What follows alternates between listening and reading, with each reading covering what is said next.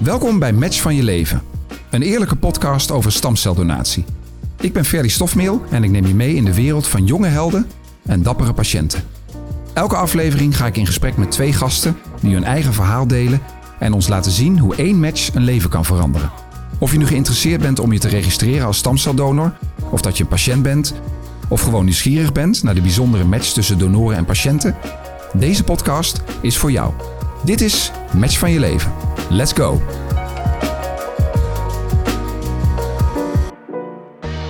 Nou, hoi, fijn dat jullie weer luisteren. Uh, vandaag hebben we een heel spannend onderwerp op de agenda staan. Namelijk de risico's en de bijwerkingen van een stamceldonatie. Ik hoor namelijk regelmatig dat mensen het idee om stamcellen te doneren best eng vinden. Hè. Doet het pijn? Uh, hoe lang kan ik dan niet werken? Is het gevaarlijk? Al dat soort vragen. Nou, dat zijn allemaal vragen die we vandaag gaan behandelen met jullie. En dat doe ik onder andere met uh, Jorike Konijnenbelt. Jorike is, uh, is donorarts bij Matches. Uh, jij weet hier dus alles vanaf. Fijn dat je er weer bent, Jorike. Je bent al eerder in onze, in onze uitzending geweest. Ja. En vandaag ook bij ons aangeschoven is Anne Rijmakers. Anne, jij hebt je stamcellen gedoneerd. En jij bent een hele bijzondere donor, want jij hebt dat zowel via het bloed als via het beenmerg gedaan. dus jij kan over beide methodes meepraten. Ideale gast dus. We hebben twee in één. Ja. Uh, nou, heel fijn dat je er bent en jullie allebei welkom. Dank je. Dank je wel. Uh, nou ja, wat ik net al zei, Anne, jij hebt uh, zowel via het beenmerg als via het bloed gedoneerd. Dat is best bijzonder volgens mij. Dat komt niet zo vaak voor. Nou, dat schijnt zo te zijn inderdaad. Ehm, de statistieken weten Jorike straks vast meer over te vertellen.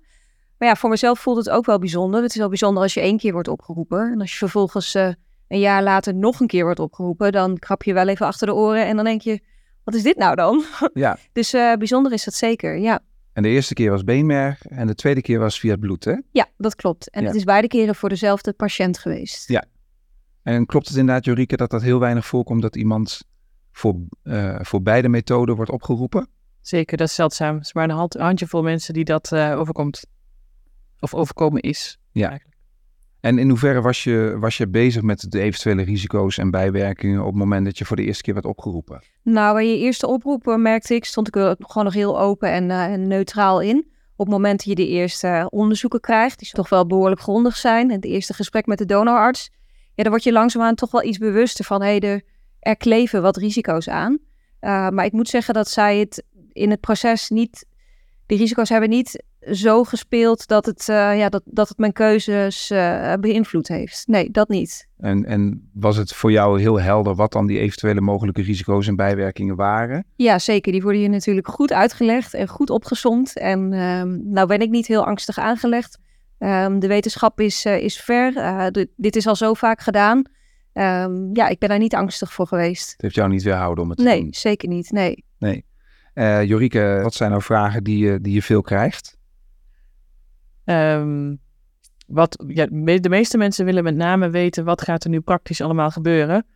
En voor uh, sommige vragen kan ik daar geen antwoord op geven, omdat het gaat om een kans op een bijwerking. En ik weet natuurlijk niet bijvoorbeeld of je die bijwerking ook gaat krijgen. Nee, en willen mensen ook weten van doet het pijn of uh, ben ik lang uit de roulatie, dat soort vragen? Ja, ja ook dat, dat, dat is een andere categorie veel voorkomende vragen. Dus hoe, vaak, hoe lang moet ik vrijvragen van mijn werk? Uh, hoe lang zal ik er last van hebben? Dat soort praktische zaken. Ja, en nou is het zo, het klinkt misschien gek, maar matches is er eigenlijk vooral voor de donor en niet per se voor de patiënt. Je zou denken, de patiënt heeft hulp nodig, dus daar is matches voor. Maar matches is er vooral voor, hè, in eerste instantie, om goed te zorgen voor de donor. Uh, en wat doen jullie als matches eraan om de veiligheid voor de donor zoveel mogelijk te waarborgen? Zoals Anne net al aangaf, je wordt uh, vrij uitgebreid medisch gescreend om te kijken of jouw gezondheid in orde is. En daarmee bepalen we of het voor de donor veilig is om stamcellen te kunnen doneren. En als er ergens een bezwaar is, dan zeggen we al snel, dat moesten we maar niet doen, want daar brengen we een vrijwilliger mee in gevaar. En je bedoelt vrijwilliger, degene die gaat doneren, dat doe je vrijwillig. En daarmee wil je diegene niet in gevaar brengen. Precies. Ja. Nou, uh, zoals elke week hebben wij een stelling. Zijn we de straat op geweest om mensen te vragen een, stelling voor te leggen. Uh, voor deze week was de, was de stelling stamcellen doneren doet pijn. Uh, daar hebben mensen op gereageerd. Gaan we even naar luisteren.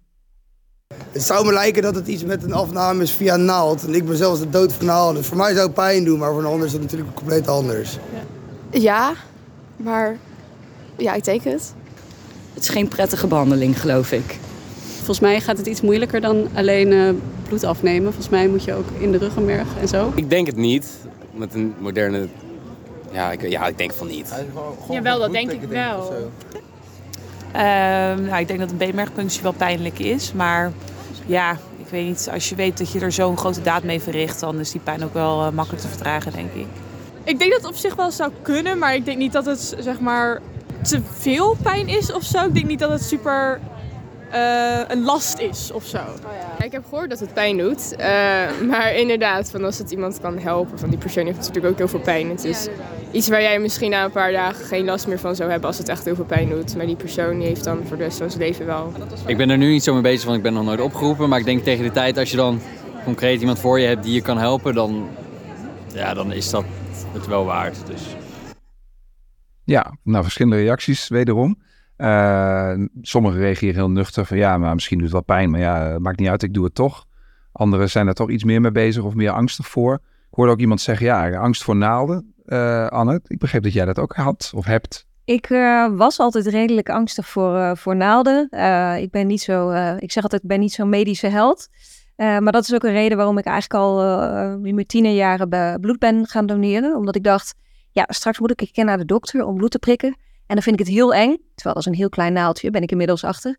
Uh, dus ben ik eigenlijk bloed gaan doneren om te wennen aan überhaupt aan medische situaties. Um, en dus op het moment dat ik mij inschreef, ook als, als stamceldonor, uh, had ik geen, uh, geen acute naaldenangst. En toen ik werd opgeroepen, um, ja, viel dat eigenlijk, eigenlijk ook wel mee. Uiteindelijk is pijn is ergens ook een soort van subjectief begrip. Ja. Vooral in dit proces, denk ik wel mooi dat je zegt, ik had angst voor naalden, dus ik dacht, daar moet ik iets mee.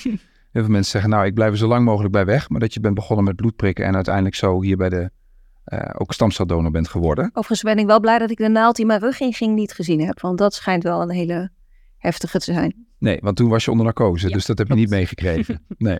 Uh, Jorike, de, de belasting voor een donor, is die nou zwaarder uh, in het geval van een donatie via het beenmerg of via het bloed? Als je kijkt naar hoe lang mensen uit de running zijn voor hun normale bezigheden, dus voor werken voor studie, dan is dat bij BMR net een beetje langer, ongeveer een halve dag langer dan bij de donatie via de bloedbaan. Dus het is in die zin, ben je er wat langer uit, gemiddeld genomen. De bijwerkingen die mensen ervaren zijn natuurlijk van heel verschillende aard. Bij de donatie via de bloedbaan heb je hele andere klachten en bijwerkingen dan bij een donatie via het beenmerg. En kun je een voorbeeld geven van het verschil? In klachten. Ja, wat, wat, wat zijn de klachten of de, de bijwerking of de, uh, hè, wat maakt het zwaarder in het ene geval of zwaarder in het andere geval? Bij B-merkdonatie kom je uh, zonder enige voorbereiding naar het ziekenhuis, dus heb je geen klachten voorafgaand aan de donatie. Uh, maar daarna ga je onder narcose voor de B-merkafname. Daar heb je last van. Veel mensen worden misselijk van narcose, dus, dus de eerste uren na zo'n donatie heb je daar last van. en de donatie zelf, daar voel je niks van, want je bent onder narcose. Uh, maar daarna heb je wel een beursgevoel blauwe plekken op, de, op je bekkenbot, waar die afname plaats heeft gevonden. Meestal is het met een dag of drie, vier aan paracetamol goed te, op te vangen.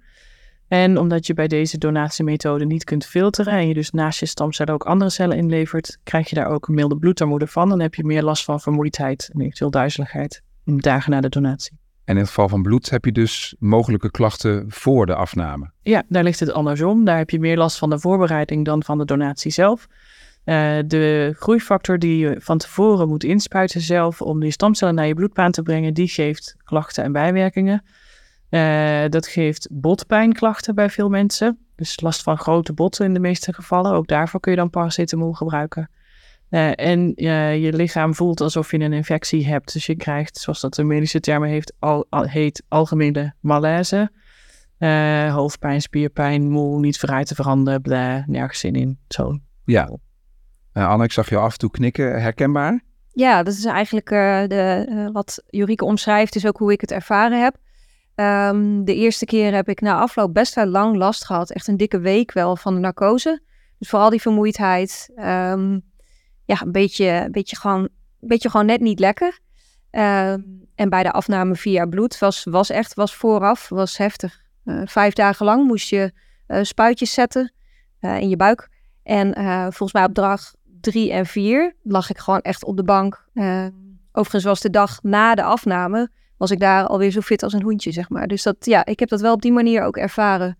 Dus kan je zeggen dat het een of het ander heftiger was? Vind ik lastig te zeggen. Uh, maar het zit echt, uh, het een concentreert zich voor en het ander concentreert zich na de ingreep. Ja. Want uh, botpijn, kun je dat omschrijven? Nou ja, dat is moeilijk te omschrijven. Maar ik heb dus in dit proces geleerd dat je bekkenbot een van je grootste botten is. Nou, dat heb ik toen ervaren. want het was een soort uitstralende pijn vanuit je botten naar buiten, alsof er iets naar buiten wil. Het is natuurlijk ook zo dat de stamcellen uit je beenmerg in je bloed willen komen. Dus volgens mij is dat ook letterlijk fysiek wat er gebeurt. Maar er wil iets, er wil iets uit je botten. Ehm, zo voelt het. En dat uh, nee, was op, de, op de, de heftigste dag was dat niet echt een, uh, een pretje. Uh, maar ging ook, weer, ehm, ja, ging ook weer over. Op de, op de dag van donatie had ik daar bijvoorbeeld geen last meer van. Maar het is lastig te om, omschrijven. Maar er wil, iets, er wil iets uit jouw bot. Ja. En je hebt het over je bekken.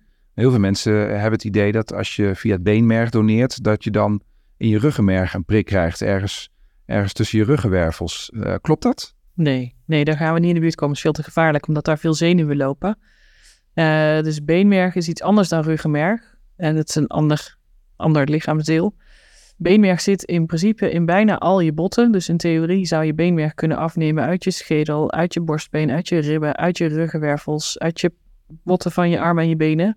Maar de meeste botten zijn slecht bereikbaar of zitten in de buurt van iets gevaarlijks wat je niet per zou willen raken. En het bekkenbot uh, is veilig. Als je op, je op je buik ligt, dan zit er niks engs in de buurt. En dan kun je in de bekkenkam, dus aan de, de rand op je rug, die je voelt als je op je rug voelt bij die kuiltjes in de buurt. Uh, maar dan een beetje naar de zijkant, daar kun je veilig prikken zonder iets engs te kunnen raken. En er zit dus veel beenmerg, zoals Anne zegt. Het is een groot bot, zit veel beenmerg in. Maar is niet bedoeld om iets te beschermen. Het is meer bedoeld om de stabiliteit van je lijf te houden. En zijn er nog mogelijke risico's en bijwerkingen op de dag van de afname zelf?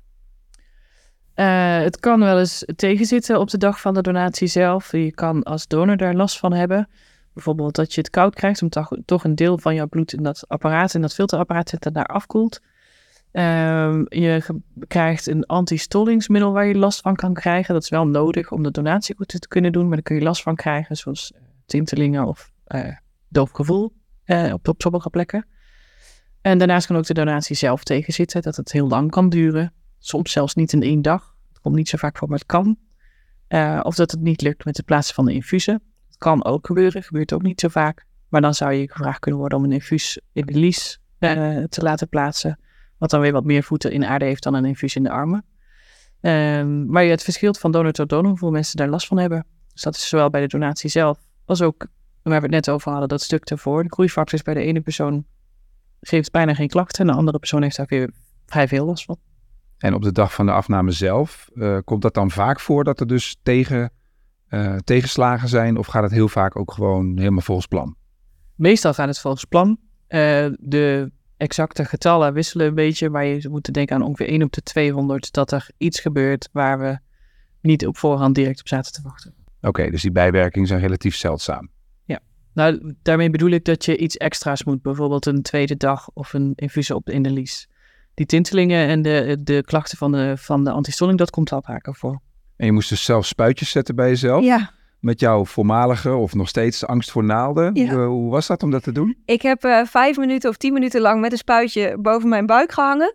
Uh, en ik kon het niet. Uh, mijn man die vond het net zo spannend, maar die heeft het vervolgens gedaan. Eerste spuitje, enorme blauwe plek op mijn buik. Dus ja. daar hebben we heel hard om gelachen ook nog samen van, nou zie je, we kunnen er niks van.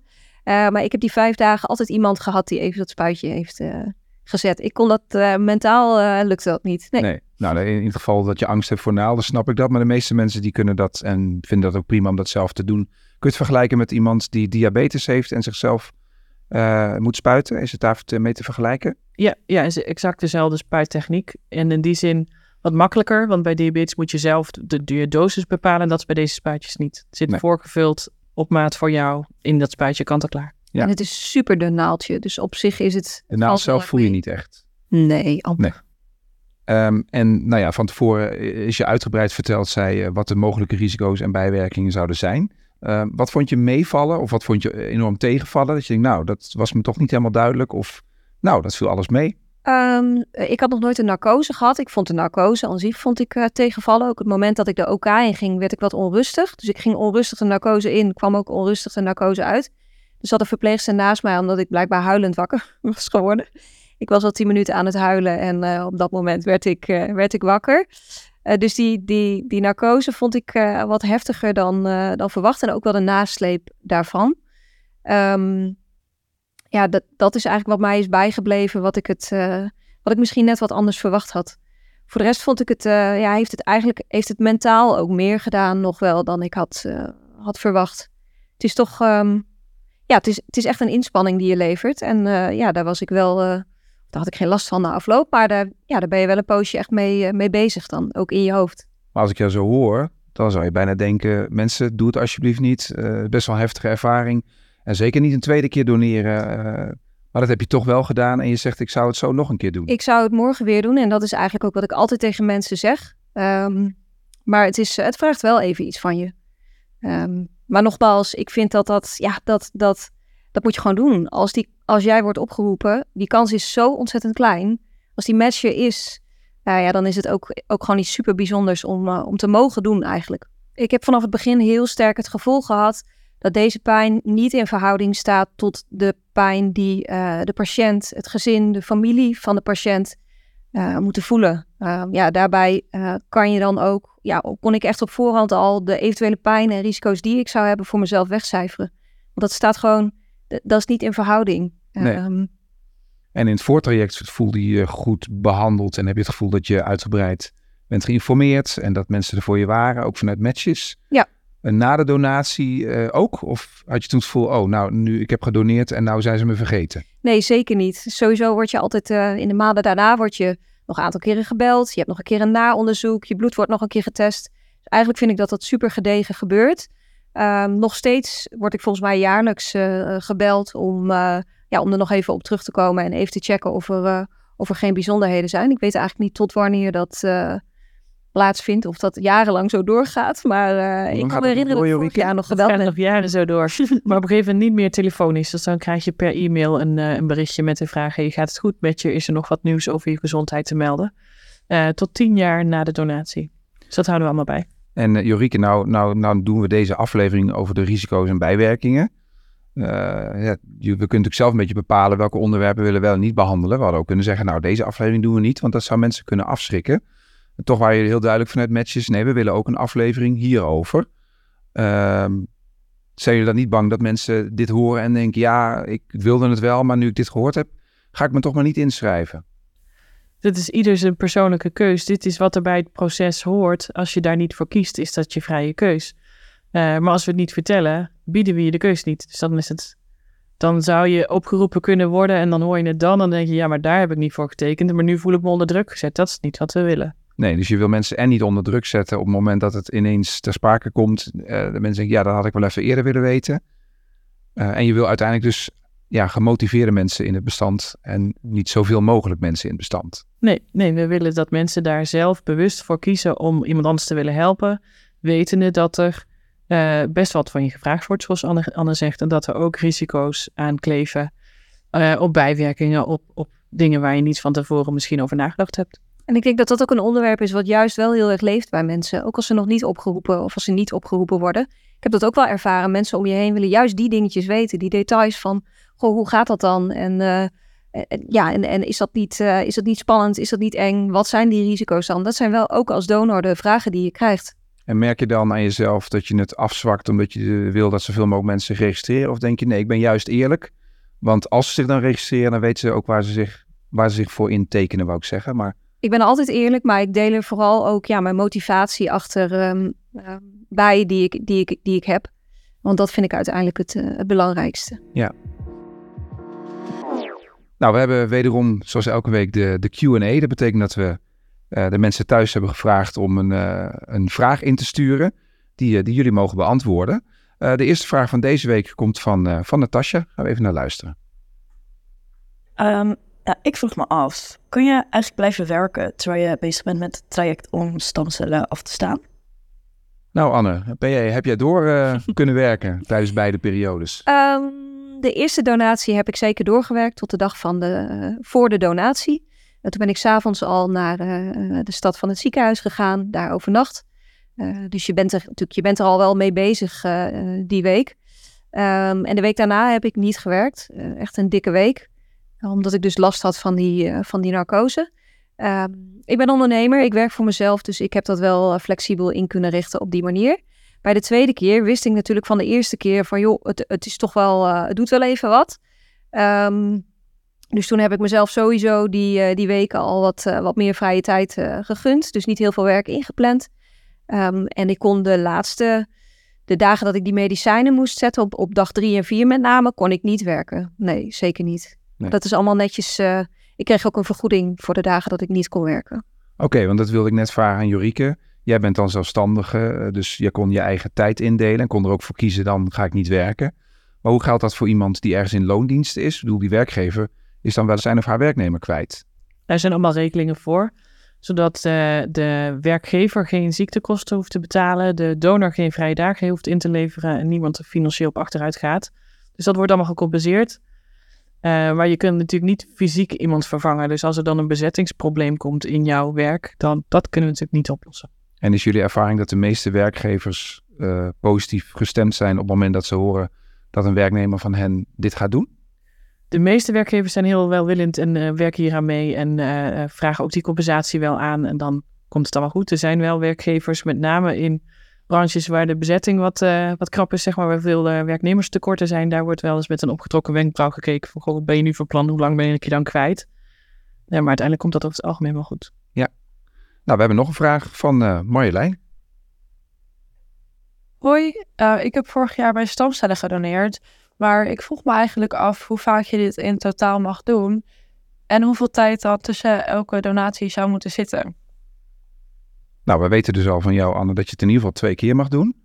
Uh, Jorike, mag het ook twee keer via dezelfde methode? Mag je ook twee keer via bloed of twee keer via beenmerg doneren? De, bij matches mag je in totaal maximaal drie keer je stamcellen doneren. Dat is meer omdat wij van veiligheid houden en uh, al snel een, een halt aanroepen. Omdat er maar weinig ervaring is in zorg voor donoren die vaker doneren. Uh, en we daarmee dus zeggen, nou, meer willen we niet, want dan weten we niet meer precies wat we aan het doen zijn. dat betekent niet dat het meerdere keren doneren onveilig zou zijn. Waarschijnlijk helemaal niet. Waarschijnlijk kun je dat min of meer onbeperkt doen. Maar omdat dat niet vastgesteld is, doen wij dat niet. En hoeveel tijd moet er tussen zitten, tussen de donaties? Minimaal zes weken. En dan moet je volledig hersteld zijn, ook qua bloedbeeld en qua medische status. En maakt het nog iets uit of je voor dezelfde uh, patiënt doneert of voor verschillende mensen? Zit daar nog onderscheid in? Sowieso kijken we steeds, is het veilig voor jou als donor om nog een keer te doneren? Maar ook aan de andere kant, is het voor de patiënt een goed idee om nog een keer een donatie te ontvangen? Dus daar wordt streng naar gekeken. Uh, en als je dat te snel op elkaar zou doen, zou het zowel voor de donor niet een goed idee zijn, want die is nog niet hersteld, als voor de patiënt, want die heeft nog tijd nodig om uh, het resultaat van de eerste donatie af te wachten. Als je ooit, uh, nou laat ik zo zeggen, als je doneert via matches, dan betekent dat per definitie dat je doneert voor iemand die je niet kent, ergens ter wereld. stel dat ik drie keer heb gedoneerd en daarna is er iemand in mijn familie die mijn stamcellen zou kunnen gebruiken. Heeft diegene dan pech? Mag ik dan niet meer doneren? Nee, dan mag je gewoon doneren. Als, je, als je dan jouw medische toestand dat toelaat, kun je gewoon nog weer doneren. Oké, dus dan, je hoeft niet te denken, ik doe het maximaal twee keer. Want als ik het ooit nog nodig heb voor familie, dan, uh, dan uh, mag ik niet meer of dan kan ik niet meer. Nee, nee, dat hoef je zo niet te denken. Maar de, de kans dat je drie keer doneert via messages is ook wel heel erg laag. Ja. Want dan zou je voor meerdere mensen opgeroepen moeten worden. En dat, die, die kans op twee keer een match met twee verschillende mensen, de kans op één match is al laag. Dus ja. Laat staan de kans op twee matchen. En je vertelde dat jij dus twee keer hebt gedoneerd. Hè? Wat ik al zei, eerst via het beenmerg, toen via het bloed. Allebei voor dezelfde patiënt. Uh, heb jij meer te horen gekregen over de patiënt en meer achtergrondinformatie? Uh, na de donatie, uh, na de eerste donatie, een dag daarna, heb ik gehoord dat het een meisje jonger dan tien jaar was, ergens ter wereld. Nou ja, dat is al heel bijzonder om te horen op dat moment. Want je voelt een, verbondenheid met iemand en je weet daar niks van. En dan, en dan weet je wat. Dus dat is best bijzonder dat je dan nou, in ieder geval iets, iets weet. Ik zie dan een, nou, een huppelende mini-me, zie ik zeg maar ergens ter wereld. Uh, nou, niet huppelend op dat moment, maar die, dat, dat zie je voor je. Dus dat maakt het wel heel, ja, maakt het wat tastbaarder. Eh, en na de tweede donatie, toen ik wist dat het om dezelfde patiënt ging, heb ik na een half jaar heb ik met gebeld om op te vragen uh, ja, hoe, het met de patiënt, hoe het met de patiënt zou gaan. En hoe ging het toen met haar? helaas heb ik toen te horen gekregen dat de patiëntje overleden is. En had je toen niet spijt dat je gebeld had? Nee, nee, ik, ik, ik wist van tevoren al, ik wist vanaf het begin dat ik het sowieso zou willen weten. Um, ja, en ik ben ook gewoon een realist. Uh, je hoopt natuurlijk heel erg dat het genoeg is geweest. Um, en ik had wel heel erg st uh, sterk de drang, ja, om dat ook gewoon toch echt te willen weten. Maar het was wel een verdrietig bericht. Ik ben er wel even, even verdrietig van geweest. Want ja, ja, je gunt iemand het leven. Um, en dat heeft zij niet gekregen, helaas. En heb je dan ergens nog het gevoel dat het allemaal voor niets is geweest? Nee, zeker niet. Helemaal niet, omdat er natuurlijk langer dan een jaar ook tussen de twee donaties heeft gezeten ja, misschien betekent dat wel dat ik haar en haar familie die bonustijd heb kunnen geven. Ja. En dan is een jaar op een, uh, op een kinderleven is, uh, is wel heel veel natuurlijk. Ja, dat is mooi dat je het zo omschrijft. Er wordt nog niet uh, over nagedacht dat je dan inderdaad iemands leven verlengt en daarmee voor het hele gezin. Ja. Ja. Ja, volgens mij heb je dit eigenlijk al beantwoord, maar ik wilde vragen, zou je het nog een keer doen als het nodig zou zijn? Ik zou het altijd nog een keer doen. Ik heb heel erg van huis uit meegekregen dat als je iemand kan helpen, dat je dat ook, ook moet doen is eigenlijk een eigenschap waar ik ook wel uh, heel dankbaar voor ben. Um, ja, en ik zou, het, ik zou het morgen weer doen, zeker. Ja. ja. Nou, en in jouw geval heeft het dus, is het dus uiteindelijk niet goed afgelopen voor de patiënt. Uh, ik begreep dat je daar een, een, tatoeage voor hebt laten zetten. Klopt, ja. ja ik heb op mijn arm uh, heb ik een tatoeage laten zetten van een, een vrouwengezicht en een kindergezicht. Eigenlijk uit één lijn getekend. En um, ja, die staat voor mij echt voor de verbondenheid met één lijn die, die je voelt, die ik voel nog steeds met, met de patiënt, met het meisje. Ondanks dat ik ja, niet weet wie zij is, ik heb haar niet gekend, ik weet niet waar zij vandaan komt. Maar die verbondenheid, die, ja, die voel ik heel sterk. En elke keer als ik naar die tatoeage kijk in de spiegel of iemand maakt er een opmerking over of vraagt ernaar, dan, ja, dan herinnert het mij aan hoe dankbaar ik mag zijn dat ik, ja, voor het leven dat ik, dat ik mag leven. Mooi. Nou ja, we hebben het vandaag uitgebreid gehad over alle risico's, bijwerkingen. Dat we dat ook belangrijk vinden om dat ook te vertellen. Zodat mensen een bewuste keus maken als ze ervoor kiezen om zich te registreren. Uh, en daadwerkelijk worden opgeroepen. Dan niet ineens terugschrikken en zeggen, oh dat was niet duidelijk. Dit wist ik niet, nu uh, trek ik me terug. Dus dat je vanuit matches ook weet, als we mensen gaan bellen, dat ze een mogelijke match zijn. Dan is de kans groot dat ze alsnog mee willen werken. Want daar kan soms jaren tussen zitten. Uh, nou, ik heb jullie ja, veel vragen gesteld. Maar misschien hadden jullie gehoopt dat ik nog een bepaalde vraag zou stellen. waar je dan antwoord op zou kunnen geven. En dat kan nu niet. Dus bij deze. Is er nog iets wat je zou willen zeggen? Of een vraag die je zou willen beantwoorden die ik niet heb gesteld? Nou, ik vind het wel belangrijk om te zeggen dat, dat ondanks de risico's, um, de begeleiding vanuit matches heb ik echt als heel positief en heel goed ervaren. Um, of je nou met de receptioniste spreekt, of met de mensen in het ziekenhuis, of met iemand op het kantoor. Um, iedereen die, ja, is zo medelevend en zo lief tegen je gedurende het hele proces. En ik vind het wel belangrijk ook om te noemen dat ja, dat voelt gewoon als een, als een warme deken. En dat heeft voor mij ook, dat, dat heft ook weer een stukje van die risico's zeg maar op. Omdat je gewoon, je wordt zo goed begeleid. Um, ja, dat vind ik wel belangrijk om, uh, om te noemen. En uh, vooral ook hele grote complimenten naar, uh, naar Matches daarvoor. Nou, dat is een hele mooie toevoeging. En voor, wat mij betreft een hele mooie afsluiting voor deze aflevering. Anne en Jorike, allebei eh, bedankt dat jullie wilden zijn en, en dit wilden delen met ons. En tegen de luisteraars zeg ik dank jullie wel voor het luisteren. Hopelijk zijn jullie de volgende keer weer erbij, want dan gaan we namelijk luisteren naar het verhaal van de patiënt. Tot dan.